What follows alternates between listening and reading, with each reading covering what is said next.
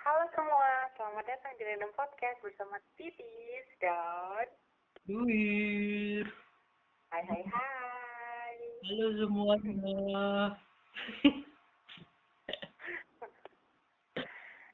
Oke, kita tetap masih menggunakan telepon jarak jauh. iya. I mean, telepon untuk rekaman jarak jauh. Semoga semoga nggak nggak jomplang ya suaranya seperti episode-episode sebelum sebelumnya. Semoga lebih baik rekaman hari ini. Amin ya robbal alamin. so, uh, today's episode kita mau bahas apa, Wi? Kita mau bahas tentang aku bingung tentang apa temanya. Padahal barusan udah diomongin. Jadi, kita mau bahas tentang em, gimana ya? Menghargai orang lain. Intinya sih gitu. intinya menghargai orang lain cuman kebetulan yang barusan kita eh, pengen bahas itu tentang status pekerjaan orang kamu mau cerita nggak awal mula kenapa kamu bahas ini Tis? Oh, jadi awal mula aku bahas ini, eh, ada salah satu temanku yang bikin story. Mm-mm. Pokoknya bilang kalau eh, dia lagi capek.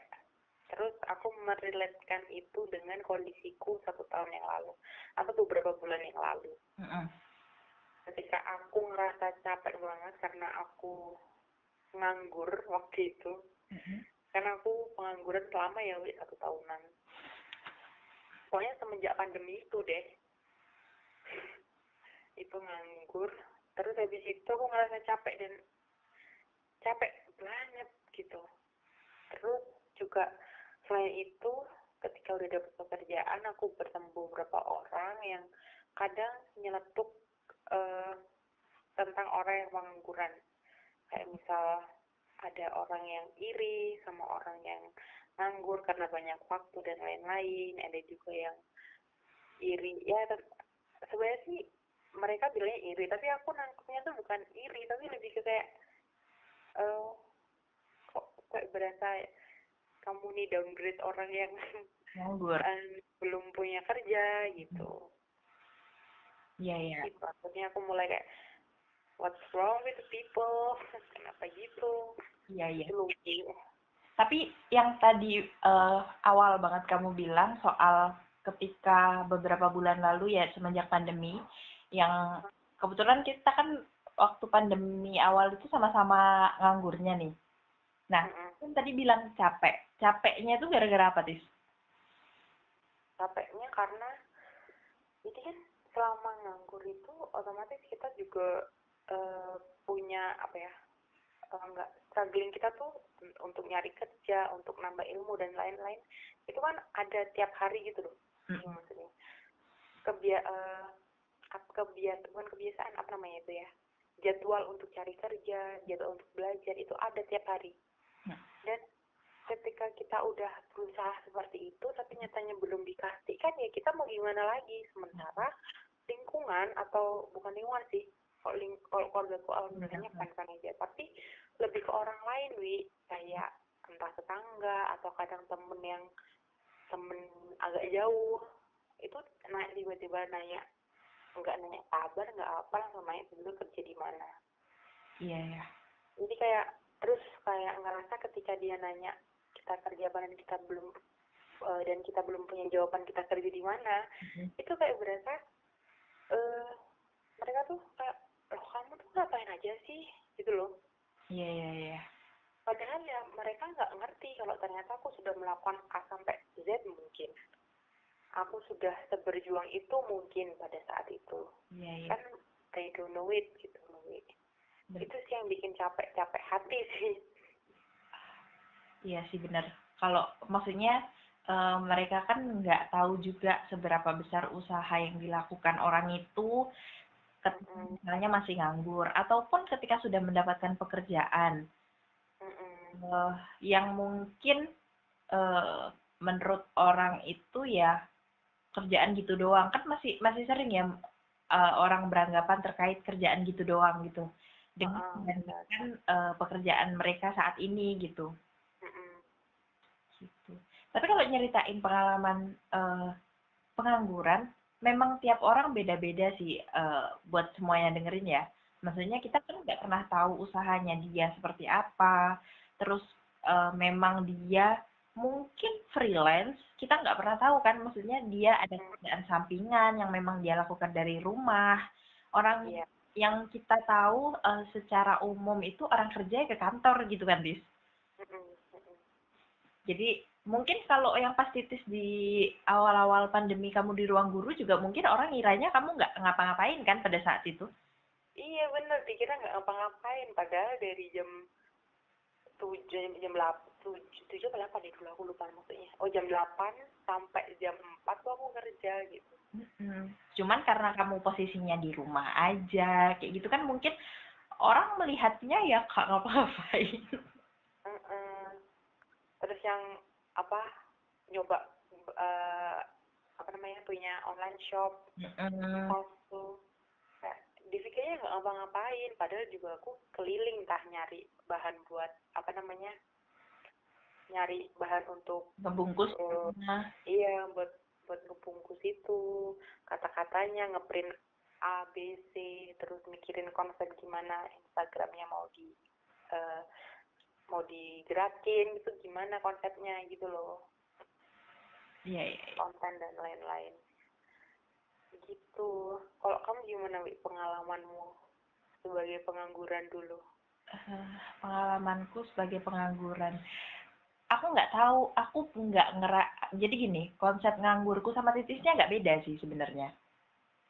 Karena kalau titis kan memang setelah lulus uh, kamu kan pulang kan tis? Jadi nganggurnya itu langsung di rumah gitu kan? Uh, langsung di rumah ya nyari kesibukan belajar ini itu usaha terus sempet yang ikut ruang guru itu juga. Tapi kan posisi juga di rumah dilihat orang juga tadi aku bilang mungkin dikiranya nggak ngapa-ngapain. Nah kalau aku itu dari lulus kuliah uh, aku kerja di lab. Cuman kerjanya kayak masih kayak masih gimana ya? Aku ngerasa itu kerja nggak ya kerja sih. Cuman fleksibel banget gitu loh. Karena kan kayak ngikutin jamnya uh, mahasiswa aja ya. Masih berasa kayak kuliah aja aku dulu. Cuman bedanya dibayar dan ada tanggung jawab lebih. Terus setelah itu uh, aku ba itu berjalan satu semester enam bulan. Setelah itu aku baru nganggur gur-gur maksudnya uh, setelah kerja aku dapat duit kan di lab itu. Terus tiba-tiba nganggur yang balik lagi nggak ada pemasukan sama sekali. Walaupun dulu uh, gaji di lab itu nggak bisa menuhin kebutuhanku waktu di Malang. Jadi untuk kosan karena kan kalau kosanku di Malang itu kan per tahun ya. Masih waktu sama orang tua sampai aku sempet sekamar sama putri biar kita ngeringanin uh, biaya kosan kita. Jadi kita sekamar berdua. Itu sempet uh, di pokoknya bulan uh, ya, tahun terakhir kita di Malang lah. Terus abis itu setelah itu aku baru nganggur pulang ke Kediri. Itu pun aku nggak pulang ke Kediri sih aku kayaknya masih di Malang nganggur beberapa bulan. Jadi nggak gitu berasa sih kalau aku karena uh, ketika terakhir di lab itu Januari 2018 kalau nggak salah kalau nggak salah 2018 terus habis itu uh, aku ada kesibukan uh, di Malang jadi aku balik ke Kediri. Itu sampai bulan berapa ya kayaknya bulan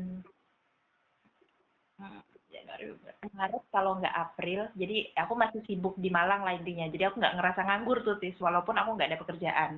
Terus setelah itu malah aku jalan-jalan dulu tuh. Sempat jalan-jalan ke Jogja karena iya, waktu masih di ke Jember juga nggak sih? Uh, aku ke Jember juga itu kan posisi juga setelah dari lab kan aku uh. ke Jember aku ke Jogja terus itu pertama kali aku main ke Pacitan jadi waktu itu malah aku kayak ya udahlah mumpung belum ada kesibukan, maksudnya belum ada kerjaan. Kalau udah kerja kan bakal mikir kan kalau untuk liburan aku lama loh di Jember kayaknya ada seminggu ya Tis ya? Iya seminggu semingguan.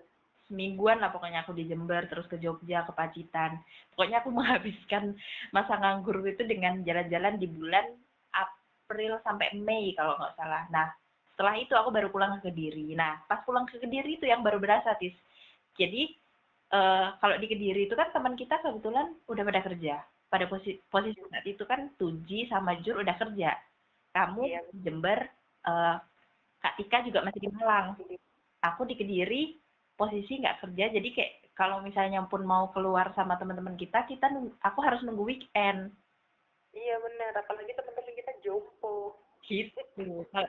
Kalau- weekday itu mereka nggak mau keluar intinya gitu. Jadi maunya keluar cuma waktu weekend. Nah itu tuh mulai berasa tis. Maksudnya berasa berasa aku capeknya capek nggak ngapa-ngapain sih sebenarnya. Maksudnya eh bi udah bingung eh, di fase bingung mau ngapain gitu. Itu kayaknya bulan Mei Juni Juli kayaknya. Sampai akhirnya aku Agustus baru dapat kerja. Nah aku nganggurnya sebenarnya selama enam bulan, cuman tiga bulan awal tuh karena aku masih ber- berkutat dengan kesibukanku di Malang, terus sempat liburan ke Jember, ke Jogja, Pacitan, baru ngerasain tuh tiga bulan itu.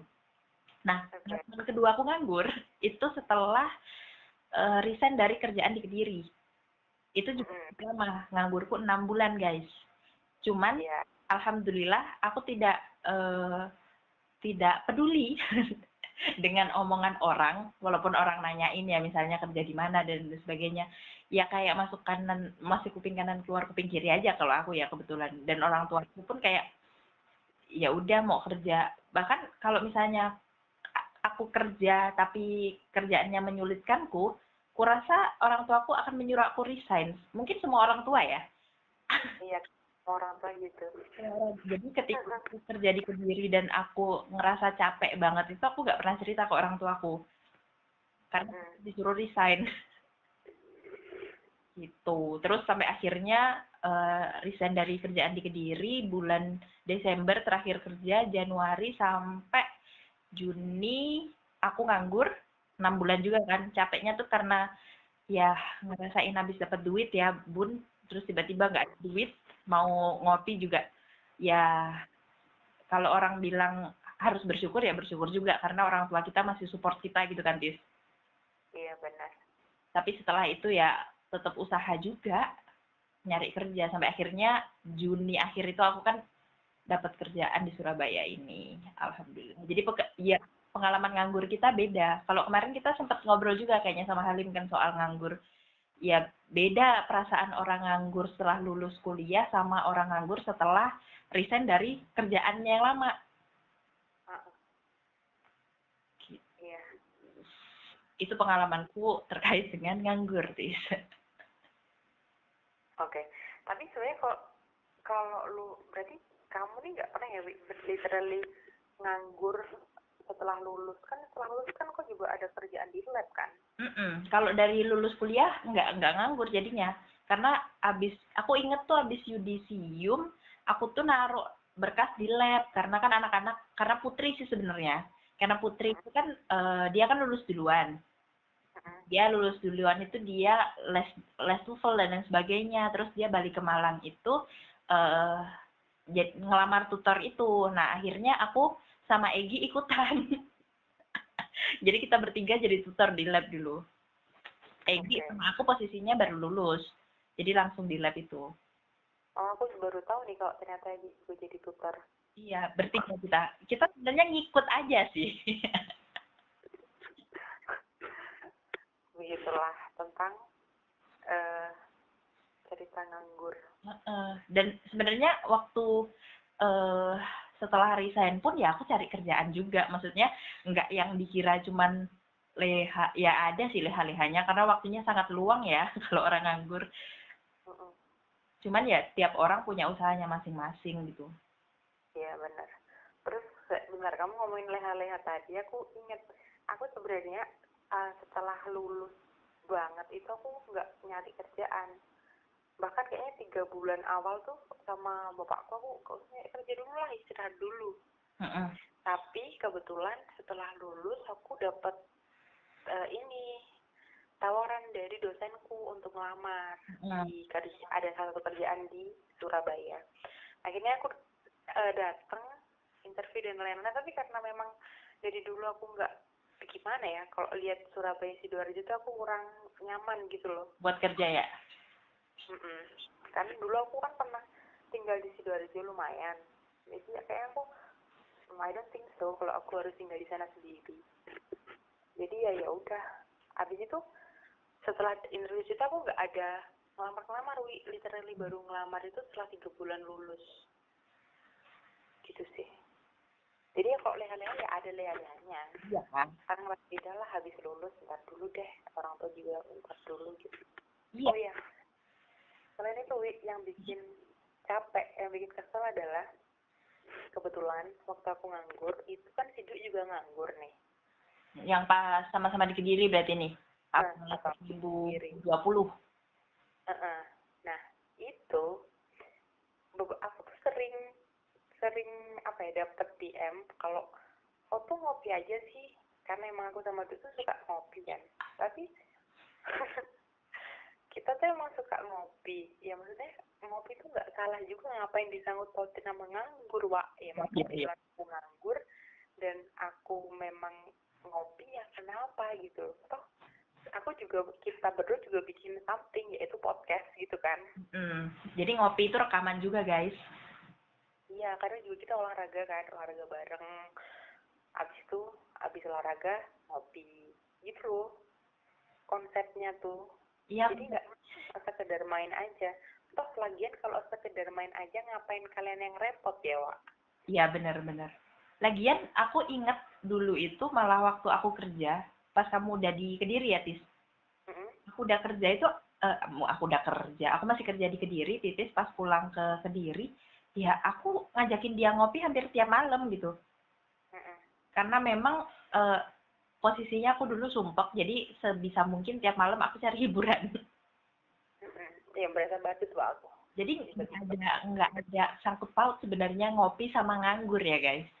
Iya sebenarnya nggak ada sangkut pautnya. Dan kayak mungkin orang-orang mikirnya kan ngopi kan ngeluarin duit ya mohon maaf kebetulan di waktu itu aku dapat support dari orang tua aku aku masih dikasih uang apa mingguan gitu loh.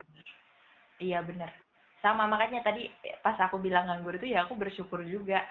Karena aku waktu yang eh, resign dari lab itu tis, aku kan memang beberapa bulan yang jalan-jalan itu bener-bener nggak nyari kerja juga kan. Jadi yang waktu aku ke Jember, aku main ke Jogja itu ya memang aku nggak nyari kerja guys.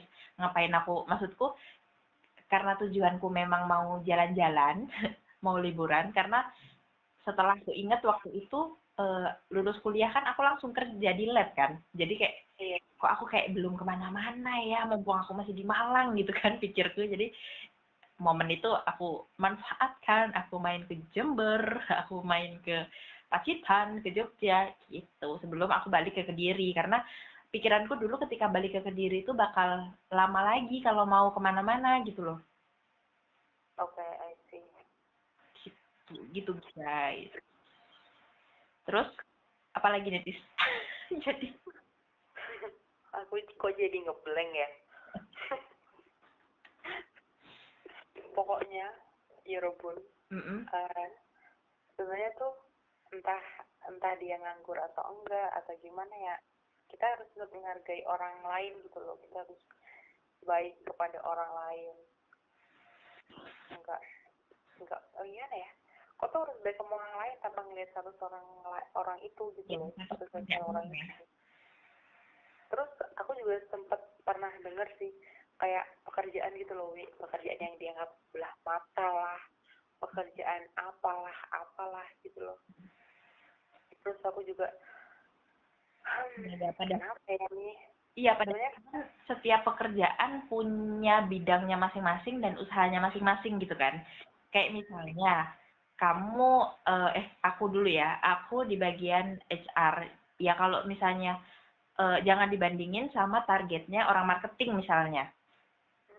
Misalnya HR kan ya kita sebenarnya semua pekerjaan itu punya target guys. Cuman memang eh, indikator targetnya tuh beda-beda, penilaiannya tuh beda-beda. Kalau aku mungkin targetnya bukan kayak anak marketing yang dilihat dari eh, penjualanmu bulan itu atau kuartal itu atau semester itu. Kalau aku penilaiannya ya pemenuhan karyawan yang terkait dengan HR, maksudnya ya tiap bidang punya effortnya masing-masing gitu loh. Walaupun aku mungkin nggak menghasilkan uang seperti teman-teman marketing ataupun eh, ya intinya yang yang targetnya nominal lah ya tis. Kalau aku nggak ada target itu. Iya benar. Kok itu setiap pekerjaan itu sebenarnya saling membantu pekerjaan lain intinya sih gitu sih kalau aku tadi. Karena bener tis aku keinget waktu kerja di kediri. Jadi uh-huh. kayak uh, kayak saling apa ya jadi untuk jadi ini dua posisi ya admin sama marketing. Jadi mereka tuh kayak saling melihat sebelah mata gitu loh. Waduh. Jadi kayak maksudnya jadi kayak kayak gini contohnya ini dulu ya waktu aku waktu aku uh, sama timku dulu. Timku yang uh, admin itu bilang gini marketing ini nggak iso bakulan terus uh, terus piye? Maksudnya ya tujuan tujuan kamu kerja di sini ya kamu harus bisa ngasilin sebanyak mungkin kayak gitu kan. Terus yang bagian marketing yo kalian itu nggak tahu lapangan. Yang ke lapangan ini kami. Kalian itu cuma di ruangan AC tinggal input data. Gitu aja masih lama. Kayak gitu gitu loh tis. Maksudnya sering banget aku denger itu. Zaman dulu ya masih kerja di kediri itu ya. Jadi sering crash itu ya antar divisi ya gara-gara hal kayak gitu. Malah bikin crashnya ya. Iya karena saling harusnya kan ngelihat nih effort masing-masing, maksudnya saling support gitu loh. Dalam satu perusahaan kan tiap divisi sebenarnya juga harus support, bukan saling yang ngeremehin atau nyalahin. Halo, lanjut kembali. Oke, lanjut kembali karena ada kesalahan teknis. Gimana, Wi? Lanjut, Wi, dari kamu tadi terakhir. Tadi terakhir aku cerita soal yang kantor lamaku ya. Jadi, uh, kantor lama.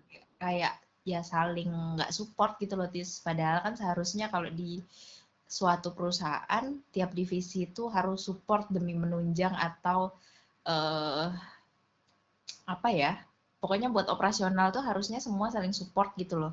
Nggak yang saling nyalahin salah satu divisi atau uh, pekerjaan orang lain. Harusnya kita pikir gimana caranya ngelakuin uh, pekerjaan buat perusahaan ini seefektif dan efisien mungkin kan, bukan malah hmm. saling ya kan aku udah kerjain ini harusnya kamu bisa gini gini gini gini dong. Oke. Jadi agak nggak sehat ya Bunda kalau gitu. Iya, padahal kan harusnya satu perusahaan harusnya saling support kerja timnya. Support. Iya bener. Jadi nggak yang tapi masih banyak sih kayak gitu kayaknya ya. Masih tapi kita dihindarkan dari perusahaan-perusahaan seperti itu. Amin. Tapi sebenarnya jangankan uh, beda divisi ya. Dalam satu divisi pun mungkin gitu loh terjadi hal-hal kayak gitu. Kayak misalnya ya pembagian tugasku udah ini kamu ngerjain ini dong. Kayak gitu loh tis. Jadi hmm. saling support harusnya bukan saling nyalah-nyalahin kalau misalnya ada kerjaan yang belum selesai. Iya benar atau mungkin kalau daripada bingung mending bisa diobrolin dulu gimana enaknya ngerjainnya. Baru dibagi atau gimana ya Wi kalau satu divisi maksudnya satu biar nggak timpang tindih gitu loh biar nggak yang satunya ngerasa enak apa merasa aku udah ngerjain banyak sementara dia enggak gitu. kan kadang kan orang kan rasa pekanya kan juga beda-beda jadi kayaknya better diomongin dulu deh. Benar pembagian tugasnya tuh harus harus clear dulu di awal supaya waktu jalanin kerjanya itu nggak saling lempar-lemparan. Kalau misalnya ada satu step atau SOP yang belum dikerjain, jadi tahu ini jawabnya siapa. Iya benar. Tapi aku sering banget Mas Siti sekarang kalau misalnya uh, interview kandidat gitu ya, mm-hmm.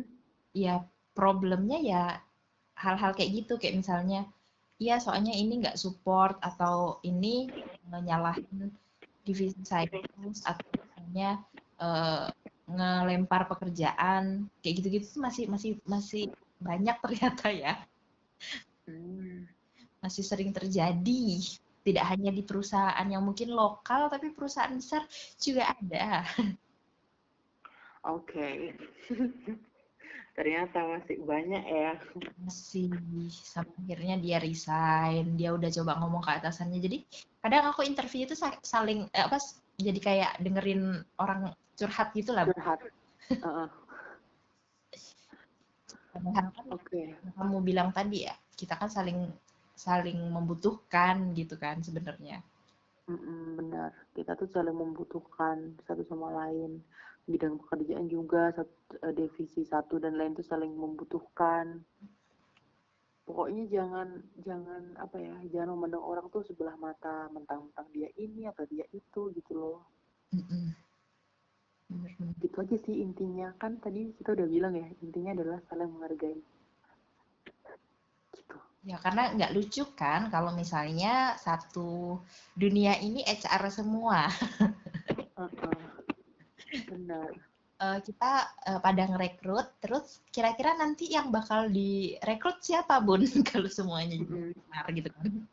Iya benar. Mohon maaf nih ya. Terus kalau semuanya jadi eh, misalnya marketing, terus nanti yang Mm-mm. siapa, Bun? Kalau semuanya jualan? Iya, kalau semuanya jualan, mohon maaf ini yang ngurusin siapa jadinya? Terus apalagi ya? Lucu juga ya kalau semuanya jadi pilot, terus yang jadi penumpang siapa, Bun? Iya, benar. Ya, gitulah. Pokoknya semua pekerjaan mensupport pekerjaan lain. Ya, Contoh simpel aja ya. eh, kayak misalnya kita nih anak kos kan, Tis. Kita kan sering makan di luar nih. Kalau misalnya nggak ada ibu kantin, terus kita mau makan apa kalau kita nggak masak? Iya, bingung. Apalagi eh, anak kos juga. Gimana kalau nggak ada ini ojol? Nggak ada ojol. Kalau kita lagi mager keluar, mau pesen makan, kalau belum ada ojol itu gimana guys? GoFood. Iya, gimana guys? Terus posisiku sekarang yang emang belum bawa motor. Kalau nggak ada ojol, nggak ada jasa pak ojol dan mbak ojol, gimana aku? Apalagi coba yang sering kita, maksudnya kita saling membutuhkan untuk eh membutuhkan eh profesi itu di kehidupan kita. Aku yang paling sering ojol sih kayaknya Tis kalau dulu tiap pulang pergi ke oh ini apa kalau di kereta api itu apa ya petugasnya aku nggak tahu. Petugas yang mana nih? Semua Di kereta api kan banyak, Wak. semuanya coy berarti. Karena kan aku kalau misalnya dari rumah, eh dari rumah, dari kos ke stasiun kan aku harus naik ojol nih, naik gojek. Sampai sana kan nanti ada yang ngecekin tiket, terus eh, bukain gerbang apa? Gerbang. Apa pagernya buat masuk ke kereta tuh Lotis. Mm-mm. Kan berjasa juga hingga sampai di rumah. Di Kediri maksudku. Iya, berjalan banget. Terus kalau misal di kantor atau di kosan ada yang bantu bersih-bersih, itu juga bermanfaat banget, maksudnya berharga banget jasanya gitu loh. Ya Kalau nggak ada beliau-beliau ini, ya mungkin kosan kalian atau rumah atau kantor kan juga nggak sebersih kalau ada yang jaga gitu loh, kalau ada yang bersihin. ya kita butuh semua profesi sebenarnya. Saling membutuhkan, namanya juga manusia, makhluk sosial. Jadi jangan memandang remeh guys, karena kita butuh mereka. Iya benar. Udah gitu aja, Wi. Apalagi emang? Ya? Kayaknya sih udah gitu aja. Oke, Sangat simple ya. Iya. Keresahannya juga dari story orang kan. Jadi dari Iya, soalnya aku mungkin Oke, itu aja untuk episode kali ini. Terima kasih buat kalian yang udah dengerin. mm-mm. Terus semoga ada manfaatnya dikit-dikit. Sehat selalu semuanya. Kamu juga, Tis. Aku juga. Oke, semuanya sehat selalu. Amin. Oke, terima kasih sudah mendengarkan Random Tidur. Sampai jumpa di episode selanjutnya. Dadah.